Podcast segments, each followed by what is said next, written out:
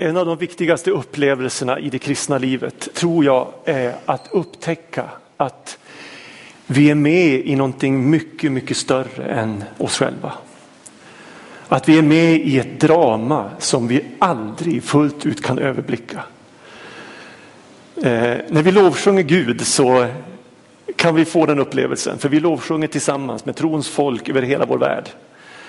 Eh, och när vi öppnar ordet så kan vi också få den upplevelsen att det är någonting mycket större. Eh, och vi behöver ständigt påminna oss om detta, att Gud alltid är större.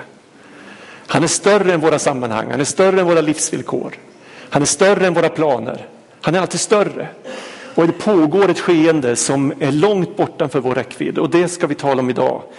Temat är mot nya mål och ni som brukar gå i kyrkan, ni vet att jag under ganska lång tid har undervisat från apostlagärningarna. Och jag ska avsluta den här serien idag. Och jag tycker att det är ett väldigt lämpligt kapitel att göra ett, ett, ett, ett, ett avslut i. Apostlagärningarna 10.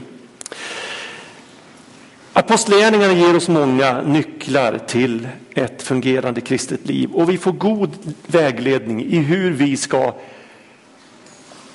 fullfölja vårt uppdrag att hjälpa människor till livet med Jesus. Det är det som är vår önskan. Det är därför det är så underbart att få ha dop.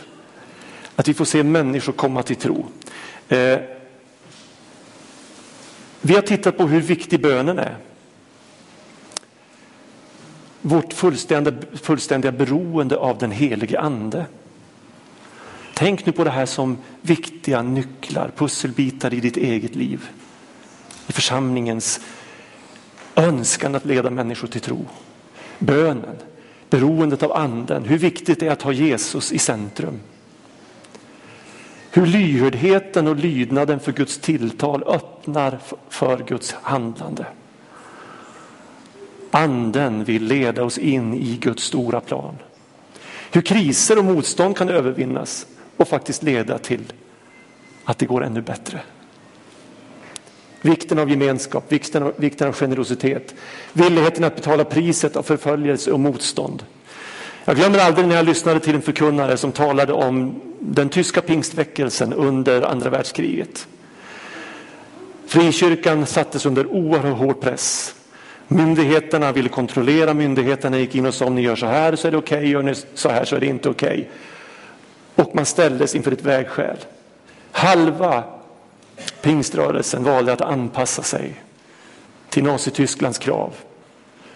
Hälften tog förföljelse och motstånd.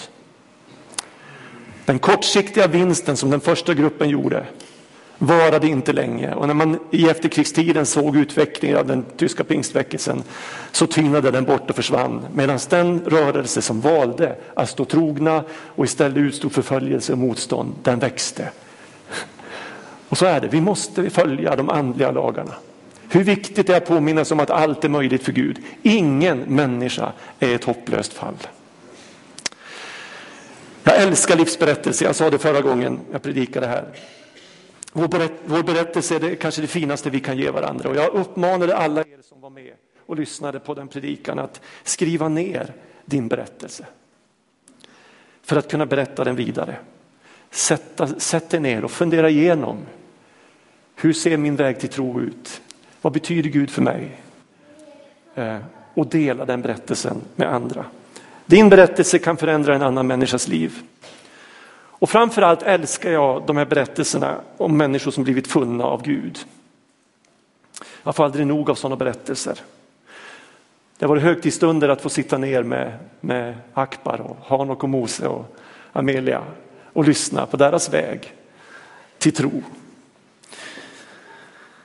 Mot nya mål är alltså temat idag. Och i det tionde kapitlet i Apostlagärningarna som vi ska läsa delar av så får vi följa en människas väg till tro på Jesus. Vi läser och ni kan följa med i texten. I Caesarea fanns en man som hette Cornelius, officer vid italiska bataljonen. Han var from och gudfruktig liksom alla i hans hus. Han gav rikligt med allmosor till judarna och bad alltid till Gud. En dag på eftermiddagen såg han tydligt i en syn hur en ängel från Gud kom in till honom och sa Cornelius. Dina böner och allmosor har stigit upp till Gud som en påminnelse om dig. Skicka nu några av dina män till Joppe för att hämta en viss Simon som kallas Petrus. Han bor hos en garvare Simon som har sitt hus nere vid havet. Nästa dag medan de var på väg och närmade sig staden gick Petrus vid middagstiden upp på taket för att be. Han blev då hungrig och ville ha något att äta. Medan maten gjordes i ordning föll han i hänryckning. Han såg himlen öppen och det kom ner något som liknade en stor linneduk. Hängande i sina fyra hörn sänktes den ner på jorden och i den fanns alla markens fyrfota djur och kräldjur och himlens fåglar. En röst sa till honom Petrus, slakta och ät. Petrus svarade nej, nej herre, aldrig har jag ätit något oheligt eller orent. Då hörde han för andra gången en röst, vad Gud gjorde rent ska du inte göra orent. Detta hände tre gånger och sedan lyftes duken strax upp till himlen. Medan Petrus grubblade över meningen med den syn han haft kom männen som Cornelius hade skickat. De frågade sig fram till Simons hus och stannade vid porten och ropade och undrade om den Simon som kallas Petrus bodde där. Petrus funderade ännu över synen då anden sa till honom, här är tre män som söker dig. Gå genast ner och tveka inte att följa med dem. Det är jag som har sänt dem. Nästa dag begav, de sig, begav han sig i sällskap med dem och några av bröderna i Joppe följde med. Dagen därpå var han framme i Caesarea där Cornelius väntade på dem tillsammans med sina släktingar och närmaste vänner som han hade bett komma. Petrus sa till den, som ni vet Som ni vet är det förbjudet för en jude att umgås med någon som tillhör ett annat folk eller att besöka honom. Men mig har Gud visat att man inte ska betrakta någon människa som ohelig eller oren. Därför kom jag utan invändningar när jag blev efterskickad. Och nu undrar jag varför, och nu undrar jag varför ni har låtit hämta mig. Vi är alla samlade här inför Gud för att höra vad Herren har gett dig i uppdrag att säga. Då tog Petrus till orda. Nu förstår jag verkligen att Gud inte gör skillnad på människor utan tar emot var och en som fruktar honom och som gör vad som är rättfärdigt, vilket folk han än tillhör. Medan Petrus ännu talade föll den helige ande över alla som hörde hans ord. De omvända judar som hade följt med Petrus häpnade över att den helige andes gåva blev utgjuten också över hedningarna. De hörde hur de talade med tungor och prisade Gud. Då frågade Petrus, vem kan hindra att de blir döpta med vatten? När de nu har tagit emot den helige ande alldeles som vi. Och han sa till att de skulle döpas i Jesu Kristi namn.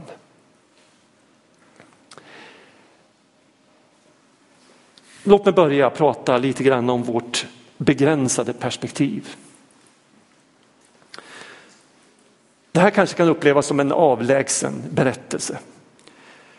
Men om vi stannar upp och tänker efter så kan det här visa sig vara den viktigaste händelsen i apostlagärningarna. Eh, med, med tanke på oss. Här sprängs gränserna för den Jesusrörelse som dittills hade varit en inomjudisk företeelse. Och det finns ingenting som tyder på att lärjungarna fram till det här ögonblicket hade tänkt tanken att det skulle kunna vara något annat. Trots att Jesus sagt att de skulle gå ut i hela världen och berätta för alla folk. Och trots att de hade blivit döpta i den helige ande som är den store gränsöverskridaren. Så var deras perspektiv begränsat. De satt fast i sina invanda föreställningar.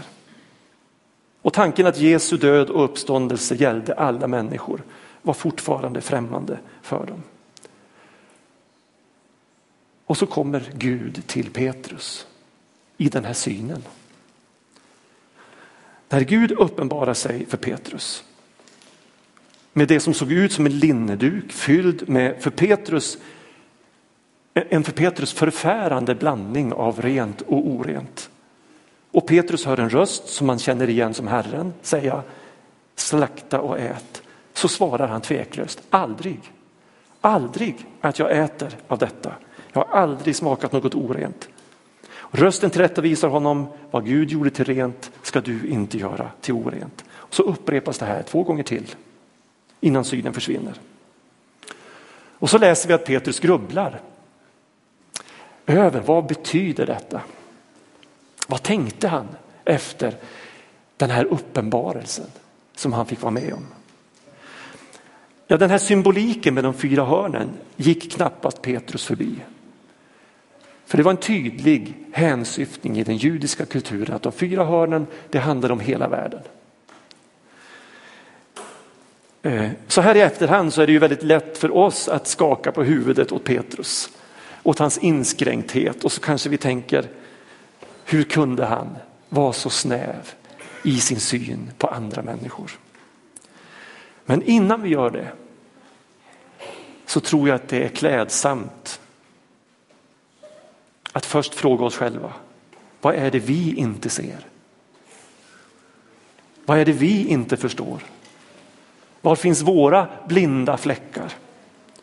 Var sätter vi gränser som inte svarar mot Guds utsträckta hand till hela världen? Vilka stänger vi ute som Gud redan i sitt hjärta har släppt in? Det finns en boktitel, det är Karl-Henrik Jaktlund som har skrivit en bok som heter Jesus gick vidare men kyrkan stod kvar. Jag har ofta tänkt på den där boktiteln. Måtte inte det bli eftermälet av svensk kristenhet. Att Jesus gick vidare men kyrkan stod kvar. Vi kallar det att följa och i Jesus spår så finns en ständig, ständig möjlighet att få våra ögon öppnade, att se större, att förstå mer av Guds universella plan. Eller det Jesus säger till de skriftlärda i Lukas 11. Vi är ni laglärda, ni som har tagit nyckeln till kunskapen. Själva har ni inte gått in. Och de som ville gå in, de har ni hindrat. Det finns människor långt utanför vår gemenskap, långt utanför kyrkans gränser. Människor som du och inte jag, som inte du och jag känner till. Som är på väg in i Guds rike. Och vi är inte kallade att stå hindrande i vägen. Utan vi är kallade att inbjuda till festen. Att få människor att komma, att vilja komma. Låt oss ödmjukt erkänna att vi med största sannolikhet har ett begränsat perspektiv och vi har viktiga sanningar att upptäcka tider som ligger framför. Det finns mycket mer att säga om, om Petrus och den här synen men det får bli en annan gång. Vad är hänryckning till exempel? Varför bodde den rättrogne Petrus hos garvaren Simon? Garvaryrket var ju också orent i en judes ögon. Fundera på det. Varför förändrar inte dopet i anden en människa omgående utan vi verkar behöva upplysas gång på gång på gång på gång. Låt oss istället gå vidare till nästa konstaterande, Guds närvaro långt utanför vår räckvidd. Det vackra skeende som pågår utanför Petrus synfält. Cornelius, han bodde i Caesarea. Caesarea var en var officiell huvudstad i den romerska provinsen Judeen. Judeen som ju precis som Israel i övrigt var ockuperat av den romerska stormakten. Den låg strategiskt vid Medelhavets kust, ungefär fem mil norr om Joppe, platsen där Petrus befann sig. Staden var uppbyggd av Herodes den store, namngiven till ära av kejsar Augustus, en hellenistisk stadsmiljö med övervägande icke-judisk befolkning. Här fanns en betydande romersk närvaro. Och Cornelius var en av dessa militärer. En from och gudfruktig officer vid den italiska bataljonen. Vad innebär det att han var from? Att han var gudfruktig? Ja, det står i texten att han gav rikligt med allmosor till judarna och han bad alltid till Gud. Så skriver Lukas, författaren till Apostlagärningarna. Han var alltså uppenbarligen ingen proselyt. Han, han hade inte konverterat till den judiska tron genom att låta omskära sig och, och, och genom att följa lagen till punkt och pricka. Eh, för då hade, inte, då hade han inte varit oren i Petrus ögon. Men nu säger Petrus att han egentligen inte kunde gå in under hans tak. För det var en oren handling för en jude. Han var romare som sympatiserade med judarna. Det är den yttre ramen av Cornelius liv. Men vi måste utgå ifrån att Gud såg djupare. Han såg djupare än till Cornelius gärningar. Profeten Jesaja skriver så här, Gud bor i helighet uppe i höjden, men också hos den eh, som är förkrossad och har en ödmjuk ande. För Gud vill ge liv åt det ödmjukas ande och liv åt det förkrossades hjärtan. Alltså Gud ser till hjärtat och att Gud ser till hjärtat, till våra djupaste motiv, till vår uppriktighet är ett entydigt budskap i Bibeln. Gud går människor till mötes medan de fortfarande är på väg till honom i sitt sökande. Gud är alltid först. Dina böner och generösa gåvor har stigit upp till Gud som en påminnelse om dig, säger ängeln till Cornelius. Cornelius representerar den sökande och gudslängtande människan i alla tider, i alla kulturer. Hans hus fyllt av familj, släkt och vänner symboliserar hela mänskligheten. Vi häpnar idag när vi hör skaror i muslimvärlden som möter Jesus i syner och drömmar. Långt bortanför kristen verksamhet. Som lik Paulus i förra kapitlet och Cornelius i den här texten ställer sig frågan, vem är du Herre? Vem är du som visar dig för mig i syner och drömmar? Vi måste utgå ifrån att det just nu pågår skeenden utanför kyrkans väggar där Gud uppenbarar sin kärlek. Kanske besöker Gud din granne med hälsningen. Jag har sett din längtan. Jag har sett ditt ärliga sökande. Och du har ingen aning om att Gud säger detta till din granne. Låt det öppna din, din föröka din tro, öppna dina ögon.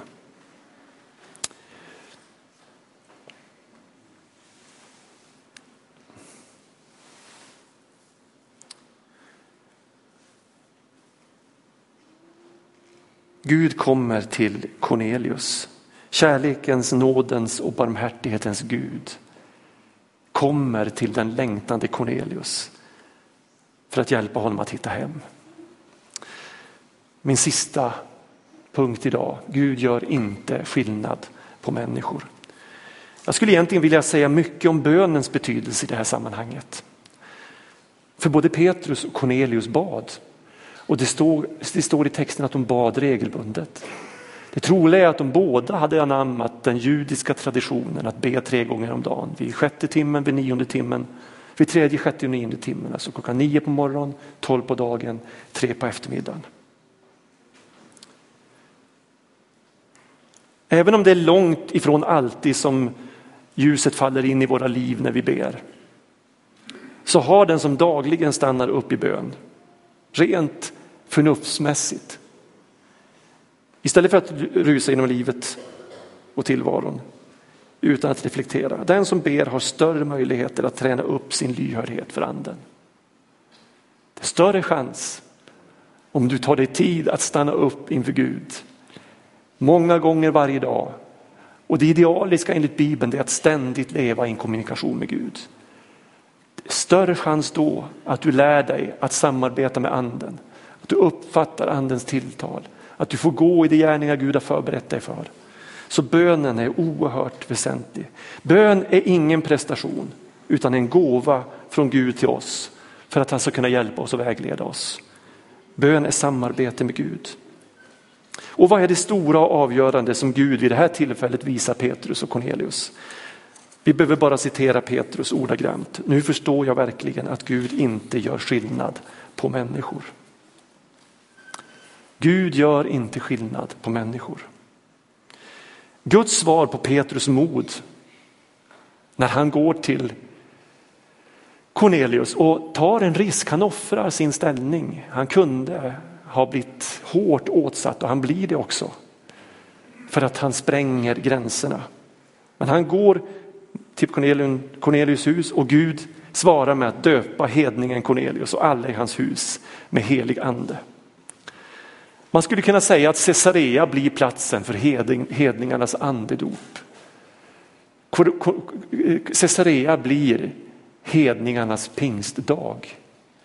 Här faller anden för första gången över oss icke-judar. Skiljemuren är raserad, inte bara i andens värld utan i praktiken. Och marken är beredd för Paulus järva gränsöverskridande tjänst som nu följer kapitel efter kapitel i apostlagärningarna. Men det är som sagt ett annat kapitel och vi ska inte stanna inför det idag. Låt mig avsluta med att citera en av vår tids oräddaste förkunnare och församlingsbyggare, Brian Houston, Hillsongs grundare. Han säger så här, du kanske inte är överens med andras livsstil, deras moral, deras principer, deras religiösa tro. Men den kärlek som krävs för att ge bränsle åt det stora rymliga liv som levdes av Jesus bjuder alltid in andra till festen. Vi förenas inte för att vi tycker lika om allt utan för, för att vi är överens om en sak, namnet Jesus. Namnet över alla namn. Idag är vi kallade att älska de människor som kyrkan historiskt sett inte har nått. Vi kallar det att älska alla människor med Kristi kärlek, för Gud älskar alla. Gud vill välsigna alla. Gud vill frälsa alla. Och jag vill inte vara en människa vars attityd, vars blick, vars kroppsspråk kommunicerar fördömelse och nedlåtenhet. Jag vill vara en människa som har öppna armar, som har ett vidöppet hjärta, ett öppet sinne, som älskar människor runt omkring mig. Varje människa har rätt att gå in i sin lokala kyrka och möta människor som ser dem i ögonen och som uttrycker en förståelse för att vi alla är i samma båt. Vi är alla lika beroende av Guds nåd. Vi är alla fattiga syndare som behöver förlåtelse och upprättelse. Och i en sån miljö så kan människors längtan släppas loss. Och vi kommer att få se många i dopgraven. Amen. Herre, vi kommer inför dig, du som har försonat hela världen med dig. Du har redan gjort det, det är redan fullbordat. Frälsning är vunnen för varje människa som vill ta emot. Och jag ber Gud att du ska hjälpa oss att vara goda förvaltare av det, den skatt du har satt i våra händer. Och tack att du är med oss. Som du sa, alla dagar till tidens slut. Välsigne nu vår nattvardsstund. Amen.